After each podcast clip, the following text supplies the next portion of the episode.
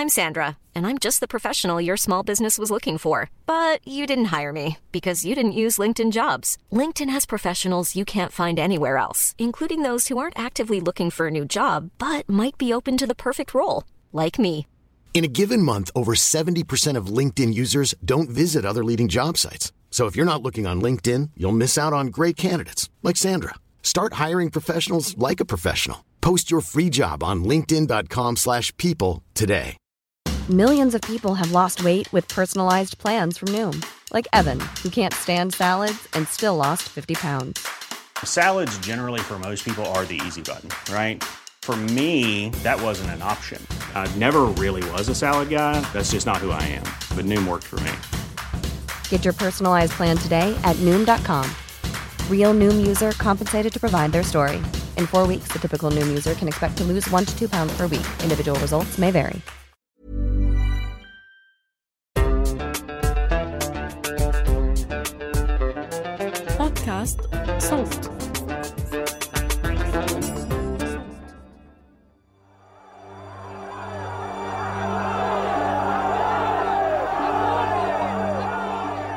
نحن ب 11 ديسمبر سنة 1990 بالعاصمة الألبانية تيرانا آلاف من سكان المدينة تجمعوا بساحة اسكندر بيج حوالين تمثال كبير.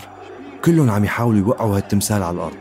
عم يرقصوا ويغنوا ويصرخوا لأول مرة من 45 سنة. وفجأة منشوف التمثال عم يميل على اليمين لحتى يوقع على الأرض.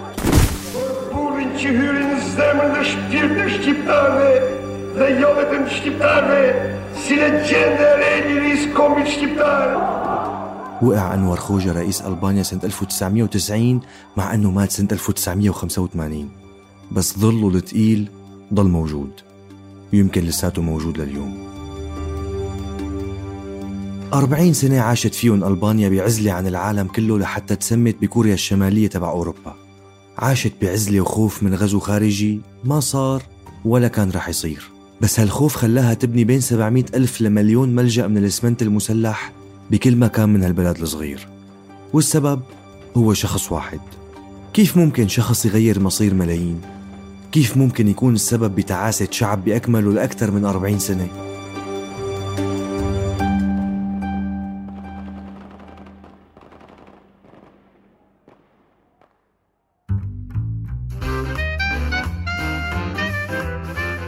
رايكم يا شباب؟ نسميه من بيت؟ لا بالمرة سميه شجرة حبيبي من بيت يا شباب وين فكر حالك حول ولا بالله. معك حق. مزبوط بس لا ليش حتى أنت يا شباب؟ عم افتح؟ المعجم من بيت من مرادفات كلمة أصل وإذا أخذنا الأصل الجذر اللغوي اهلين وسهلين ومرحبتين ببودكاست من بيت من إنتاج صوت معي أنا بشر نجار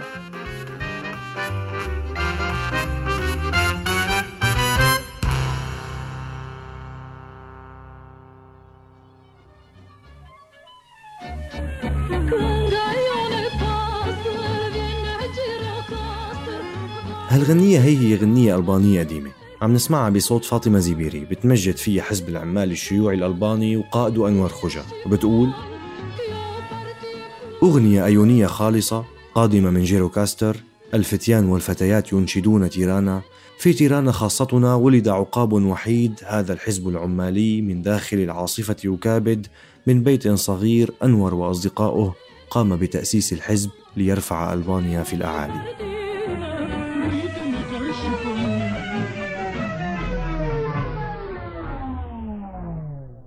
سنة 1944 انتصرت المقاومة الألبانية على الجيش النازي بمساعدة الجيش الأحمر السوفيتي وتحررت من الاحتلال.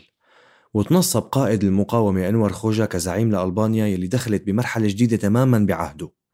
مرحلة امتدت لأكثر من 40 سنة مليانين قمع وخوف وفقر وانعزال. بس لنفهم أكثر شو صار خلونا نحكي عن تاريخ البلد المجهول البلد الموجود على هامش التاريخ. موجود بأوروبا بس بتحسه مو أوروبي. بلد مسلم بس مختلف عن أي بلد مسلم تاني. بلد صغير بنسمع عنه إشاعات وما بنعرف قصته. فينا نبدأ حكي عن تاريخ ألبانيا من كتير مناسبات. بس خلينا نبدأ من نهاية القرن الرابع عشر وبداية القرن الخامس عشر. سنة 1385 دخلت القوات العثمانية للأراضي الألبانية لأول مرة بطلب من أحد أمرائها ليساندوه بمعركة اسمها معركة سافرا. وبدأ بعد نفوذ الدولة العثمانية يزداد ويتوسع. وطبعا هالتوسع ما صار بدون مقاومة من كتير من الألبان. وكانت الحرب سجال بيناتهم. يتوسعوا العثمانيين وينتصروا ويرجعوا ينتصروا الألبان. بعدين بال 1440 أمير ألباني بس كان ضابط بالجيش العثماني انشق عن الجيش العثماني أو تركه وصار يقاتله بعد ما نظم صفوف الألبان تحت إمرته.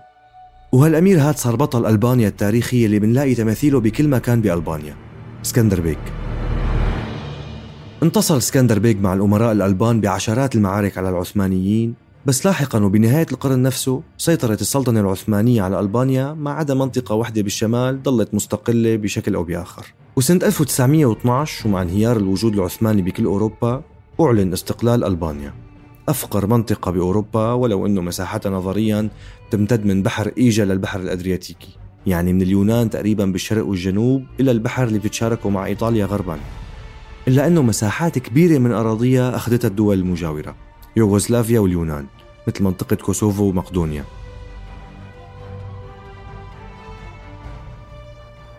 الشعب كان معظمه من الفلاحين والنظام الاجتماعي اللي بيحكم كل شيء هو القبيلة.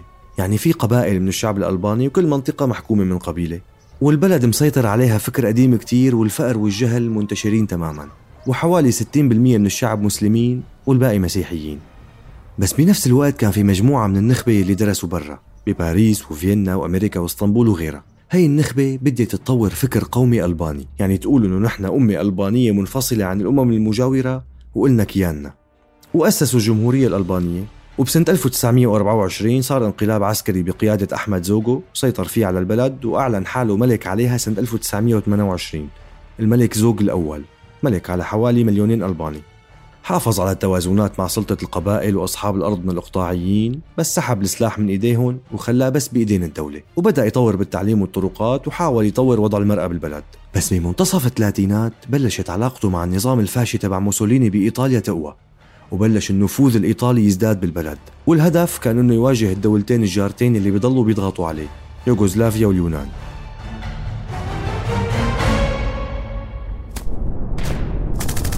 بس لاحقا مع بداية الحرب العالمية الثانية سنة 1939 دخلت القوات الفاشية واحتلت تيرانا العاصمة. وهدف موسوليني كان هو السيطرة على الثروات الكبيرة الموجودة بألبانيا والتوسع وإرسال مستوطنين طليان وبعدين غزو اليونان ويوغوسلافيا من هنيك. طرد الملك وصارت ألبانيا جزء من الإمبراطورية الإيطالية اللي كان يحلم يخليها بتشبه الإمبراطورية الرومانية. ولما حاولت القوات الإيطالية تدخل على اليونان صدتها المقاومة اليونانية وبدأت تتقهقر بالمنطقة بشكل عام خصوصا مع دخول الحلفاء على إيطاليا. بس بهالفترة ضمت إيطاليا أماكن مثل مقدونيا وكوسوفو والجبل الأسود لألبانيا. وهي بالأساس أراضي بيعتبروها الألبان ملكهم لاحقا دخلت القوات النازية محلها وسيطرت على البلد مثل ما سيطرت على البلدان المجاورة وأعلنت استقلال ألبانيا وإنشاء حكومة حيادية بالبلد. بس مع ذلك صارت تحارب هي والحكومة ضد المقاومة الشيوعية. ومين كان قائد هالمقاومة؟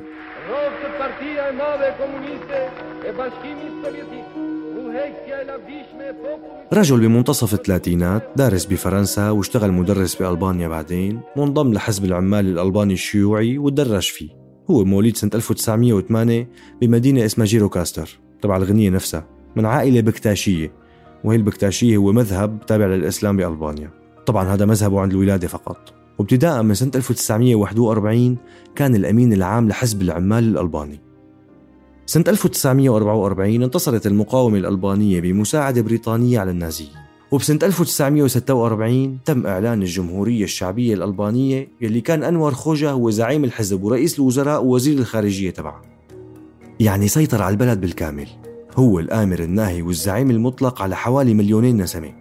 بس لما استقلت البلد استقلت بدون المناطق اللي ضمتها وقت الطليان ورجعت ألبانيا لخريطتها الصغيرة لأنه أنور خوجا أو مثل ما بينقلوا بالألباني إنفير خوجا خاف وقت يطالب يوغوسلافيا الكبيرة القوية بالأراضي اللي أخذتها.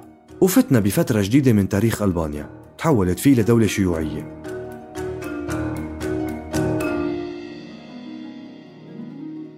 وطبعا بالأربعينات وبداية الخمسينات زعيم الاتحاد السوفيتي كان جوزيف ستالين تلميذ لينين والدكتاتور القاسي اللي حكم الاتحاد السوفيتي بالحديد والنار. والدول الشيوعية المحيطة فيه كانت تسمى satellite countries أو دول تابعة. يعني دول مثل بولندا وتشيكوسلوفاكيا وألمانيا الشرقية كانوا تابعين بشكل غير مباشر لموسكو. ما عدا جوزيف تيتو زعيم يوغوسلافيا الشيوعي اللي كان مدعوم من الغرب. كان معادي بفكره للسوفييت. أما أنور خوجا فكان معجب ومتأثر كتير بالفكر الماركسي اللينيني الشيوعي القديم واللي بيمثله ستالين طبعا. كان معجب فيه لحد التقديس. والاتحاد السوفيتي كان عم يدعم ألبانيا بهديك الفترة بالآلات والخبرات والأموال. بس بعدين مات ستالين وإجا بعده خروتشوف. زار ألبانيا وكمل دعمه لها خصوصا أنه كان بده منفذ بحري على البحر المتوسط. بس مع الوقت خف الدعم لألبانيا وصار في تقارب سوفيتي يوغوسلافي. وبدأ خروتشوف ينتقد فترة ستالين بخطاباته ويقول إنه هو عم يقود حركة إصلاحية بالفكر الشيوعي. وهالشي ما عجب خوجا فقطع علاقاته مع الاتحاد السوفيتي لأنه خوجا كان موقفه كتير مبدئي من ناحية الماركسية الشيوعية. وصلنا نشوف بألبانيا لوحات لخوجا وهو عم يوبخ خروتشوف وخطابات لمساعده محمد شيهو أو مثل ما بتسمى بالألباني مهمة شيهو وهو عم يهدد الاتحاد السوفيتي. وطبعا بهيك حالات دائما بيكون في كبش فدا. مسؤولين يتحملوا مسؤولية التآمر ويعترفوا وينعدموا. قائد البحرية الألبانية اللي درس بموسكو اعترف أنه كان عم ينفذ مخطط يوغوسلافي سوفيتي يوناني لإنهاء الحكم الاشتراكي الألباني. بنشوفه بالفيديو هو عم يعد الدول المتآمرة بتحسه عم يسمعهم تسميع. وكل أفراد عيلته يا أما انقتلوا يا أما انتحروا. بحسب ما قالوا طبعا. بس المشكلة وين؟ المشكلة إنه ألبانيا بحاجة قمح وسلاح وآلات. لوين تتوجه؟ للطرف يلي قطع علاقاته مع الاتحاد السوفيتي لنفس السبب. إصلاح الفكر الشيوعي. الصين تحت قيادة ماوزيدونغ فتوجهت ألبانيا للصين وصارت الدولة الأوروبية الوحيدة الواقعة تحت النفوذ الصيني. ودعمت الصين النظام وبعتت له قمح وخبراء وآلات للمصانع. وهالحكي هذا صار بالستينات من القرن الماضي. بس لما مات زعيم الصين ماوزيدونغ تغير الفكر الصيني. وصار بدهم يعملوا تقارب بقى مع الاتحاد السوفيتي ومع أمريكا. قام كمان خوجا قطع العلاقات مع الصين يلي حادت عن طريق الماركسية اللينينية الصرفة وهيك بقيت ألبانيا وحيدة ومعزولة عن كل العالم وما في حدا عم يدعمها.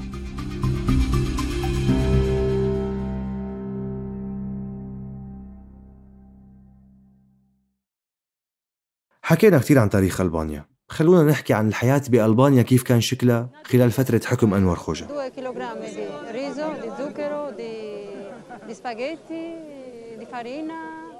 أول ما استلم الحكم حبس حوالي مئة ألف نسمة. يعني 5% من الشعب انسجن بتهم مختلفة. معاداة الثورة معاداة الحزب التآمر الاتصال بالقوى الإمبريالية اليوغوسلافية الأمريكية السوفيتية. مئة ألف نسمة اختفوا بسجون بظروف سيئة كتير لأسباب سياسية. والحياة بألبانيا لمدة 40 سنة كانت كتير بسيطة. بالمختصر البلد كله للزعيم أنور خوجا شو بيقرر بيصير؟ شو بيخطر بباله؟ بيتنفذ. أنت والجيل اللي قبلك والجيل اللي بعدك تحت رحمة أفكاره وقناعاته. شخص واحد متمسك بفكر معين يلي هو الفكر الماركسي اللينيني المتشدد حول بلده لسجن كبير لكوريا الشمالية بأوروبا. أنت بألبانيا ما بتمتلك شيء الفلاح ما بيمتلك جاجة حتى لأنه بالفكر الماركسي الشيوعي الملكية للدولة والفرد ما بيملك شيء وكل شيء ملك الناس كلهم. بتفيق الصبح بتروحي على المعمل بتشتغلي على آلات كتير قديمة. طبعا لأنه ما في استيراد ولا في بلاد بتساعد بما أنه قطع علاقاته مع الجميع. الرواتب قليلة الأكل محدد فيك تأخذ بيت بقروض بلا فايدة من الدولة الخوف مسيطر الكنايس والجوامع سكرتها الدولة بحجة أنه الشعب كله كاملا كلياته كل الشعب توصل إلى قناعة أنه الفكر المادي هو الحل. وأننا إذا أردنا رغيف خبز فعلينا أن نعمل لا أن نذهب إلى الكنيسة أو الجامع لندعي ونقول يا رب خبزة. طبعا هذا الفهم القاصر لهيك مفاهيم وتطبيق للماركسية لا أكثر. ولاحقا تم إعلان ألبانيا كدولة ملحدة بالكامل والجوامع والكنائس تحولت لمعارض أو لصالات رياضية أو لأماكن تجمع. باختصار أنت ومالك وأهلك وأفكارك وكل شيء عندك للزعيم. مكبرات الصوت للإذاعة الوحيدة الحكومية موجودة بكل شارع وبكل قرية وبكل مصنع لحتى تحفز وتنشر الفكر الاشتراكي بكل مكان. بتحس في صوت فوق راسك عم يذكرك بواقعك لمدة 40 سنة. ولحتى نفهم أكثر شكل الحياة هنيك أعطيكم مثال. بفترة من الفترات بالسبعينات انتشرت أغاني إيطالية حلوة كتير. وصلت من الإذاعة الإيطالية القريبة اللي موجودة على الطرف الثاني من البحر الأدرياتيكي. قام صاروا شباب وصبايا ألباني غنوها موسيقى مختلفة. نفحة حرية بالبلد. شوية تغيير. الناس حبوا يتنفسوا شوي. قام انحكم على اللي نشروا هاي الأغاني بالإعدام أو السجن المؤبد بسبب تآمرهم مع الإمبريالية العالمية من يوغوسلافية وأمريكية وسوفيتية وبلاد تانية. تشكيلة يعني. وكل شي مصور. بيسألوا المدعي العام شو نوع الموسيقى اللي بتحبها جاز موسيقى أمريكية ألمانية إيطالية؟ يعني مو موسيقى جماهيرية يا خاين. هذا اللي عم لكم إياه هو حوار حقيقي تصور على التلفزيون الألباني. شو ما عملت ممكن تنسجن؟ عايش بالخوف طول الوقت. وزارة العدل لغوها ومع مهنة المحاماة. لقوا إنه ما لهم داعي. الحزب هو اللي بيحكم وفي أعدل من الحزب. صارت ألبانيا عبارة عن سجون وملاجئ حربية. هي الملاجئ اللي بتشبه الفطر مبنية من الإسمنت المسلح وفيك تتخبى فيها وتحارب. أكثر من 700 ألف ملجأ أو بانكر مثل ما بتسمى بالإنجليزي موجودين بألبانيا. وأسلاك شائكة مكهربة بكل مكان. ممنوع تهرب. والحجة لكل هاد هي الخوف من غزو خارجي ما صار. متخيلين تكلفة بناء 700 ألف ملجأ؟ استنزف الاقتصاد الألباني الفقير أصلاً.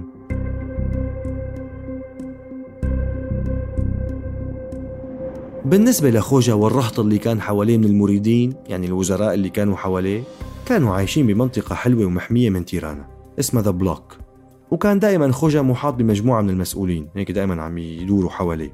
واحد منهم مثلا بالبدايات كان عنده علاقات مع الاتحاد السوفيتي. قام لما قطع أنور خوجة العلاقات مع الاتحاد السوفيتي؟ هذا الشخص صار خاين. أعدمه صديق عمره بقير بالوكو وزير الدفاع. ما وافق على سياسات خوجة المتخلفة والبعيدة عن التطور التكنولوجي بالعالم. قام اعتبره خاين وأعدمه هو ومجموعة معه. أي حدا بيعارض خاين وبالتالي بينقتل وما بينعرف له قبر. صار خوجة زعيم العالم الشيوعي بالفكر الأصلي تبعه وزعماء الدول الصغيرة الشيوعية والاشتراكية عم تزوره. وبالمدرسة صاروا ينادوا له العم أنور وضل هو واثنين بسدة الحكم. هو الزعيم ومعه شخصين حسني كابو ومحمد شيهو. هدول الثلاثة ماسكين كل شي بالبلد. وفي شخص رابع كان عم يتقرب شوي شوي رامز عليا. وتذكروا هالاسم منيح. فجأة ما بنشوفه إلا حسني كابو ميت مسموم. وبيبقوا اثنين أنور خوجة ومحمد شيهو. وكأنه قدر كل الزعماء المتسلطين حتى بالاستبداد ما يعرفوا يتشاركوا مع حدا. محمد شيهو كان عم يرتب أموره لحتى يخلف أنور خوجة. رجل عنده شخصية قوية بنشوفهم بلقطات هو وأنور خوجة قاعدين جنب بعض وجنب خوجة على الطرف الثاني بنشوف رامز عليا اللي بتحسه الكلب تبع خوجة. بيقلده بكل حركة بيعملها. رفع إيديه بيرفع إيديه. نزل إيديه بينزل إيديه. شو بده خوجة أحلى من هيك؟ بسنة 1980 عينوا خلف لإله ليكون زعيم البلد. يبدو موضة التوريث للابن كانت لسه ما بلشت. طيب كيف بده يورث هذا الضعيف وترك محمد شيهو القوي؟ مين قال لك تركه؟ سنة 1981 وبطرف الجريدة وهيك وبخط صغير بنشوف خبر انتحار محمد شيهو الصور اللي انتشرت بتوضح تماما إنه تم إطلاق النار عليه من الخلف والمسدس جنبه على التخت بالاتجاه الغلط أصلا استدعوا زوجته وحاكموها هي وأولاده بعدين حبسوها بمعسكرات الاعتقال وماتت هنيك ويقال قتلت ضل خوجة لحاله هو ومساعده الوفي بس بهالفترة بدأ يكبر بالعمر ويتعب وبدأ يخبص بالحكي. كان دائما يسجل اجتماعاته مع الوزراء. ما كان يتردد حتى لو مليانة فضايح.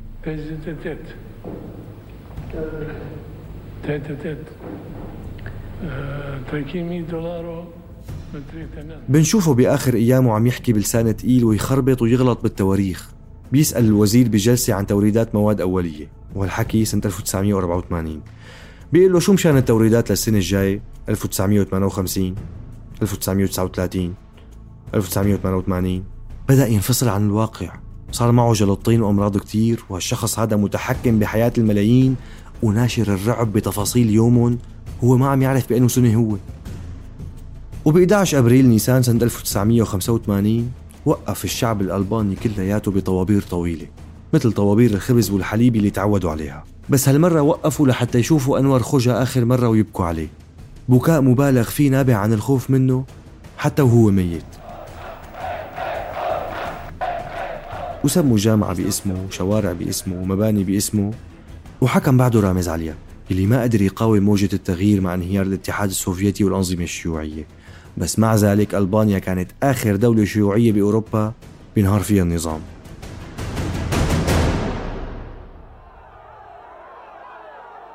وطلعت مظاهرات طلابية وانتشرت الحرية بكل الأجواء وشفنا الناس عم يهتفوا ويغنوا ووقعوا تماثيل ستالين وخوجة. خوجة يلي رعبهم لأكثر من 40 سنة حتى بعد ما مات. وطلعت ألبانيا من هالكابوس كأفقر دولة بأوروبا. بلد عايش بالخمسينات بس هو بالتسعينات.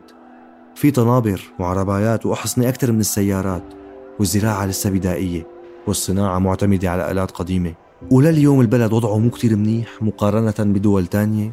وما قدر يفوت على الاتحاد الأوروبي وعانى من حروب كثير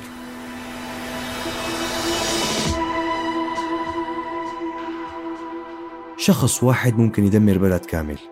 ممكن يدمر روحها وشعبها وممكن يدمر مبانيها واقتصادها وممكن يدمر الاثنين. متخيلين كم مستبد عمل هيك ببلادنا؟ شخص واحد خنق جيل كامل. وأحيانا جيلين. خرب عقول ملايين الناس وسجن مئات الآلاف ودمر بلده لعشرات السنين لقدام بس بهدف السيطرة والاستبداد بالحكم. وتوتة توتة خلصت حدودة ألبانيا ودكتاتورها الرهيبة اللي بتشبهنا بكتير تفاصيل. إن شاء الله تكون عجبتكم.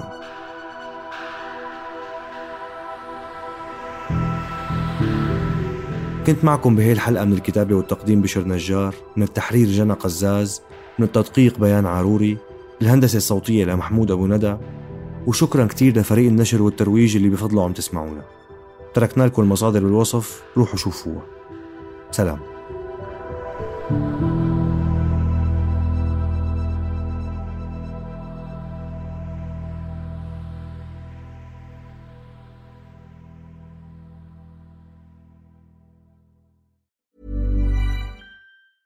Even when we're on a budget, we still deserve nice things. Quince is a place to scoop up stunning high-end goods for 50 to 80% less than similar brands. They have buttery soft cashmere sweaters starting at $50, luxurious Italian leather bags, and so much more. Plus, Quince only works with factories that use safe, ethical, and responsible manufacturing. Get the high-end goods you'll love without the high price tag with Quince. Go to quince.com/style for free shipping and 365-day returns.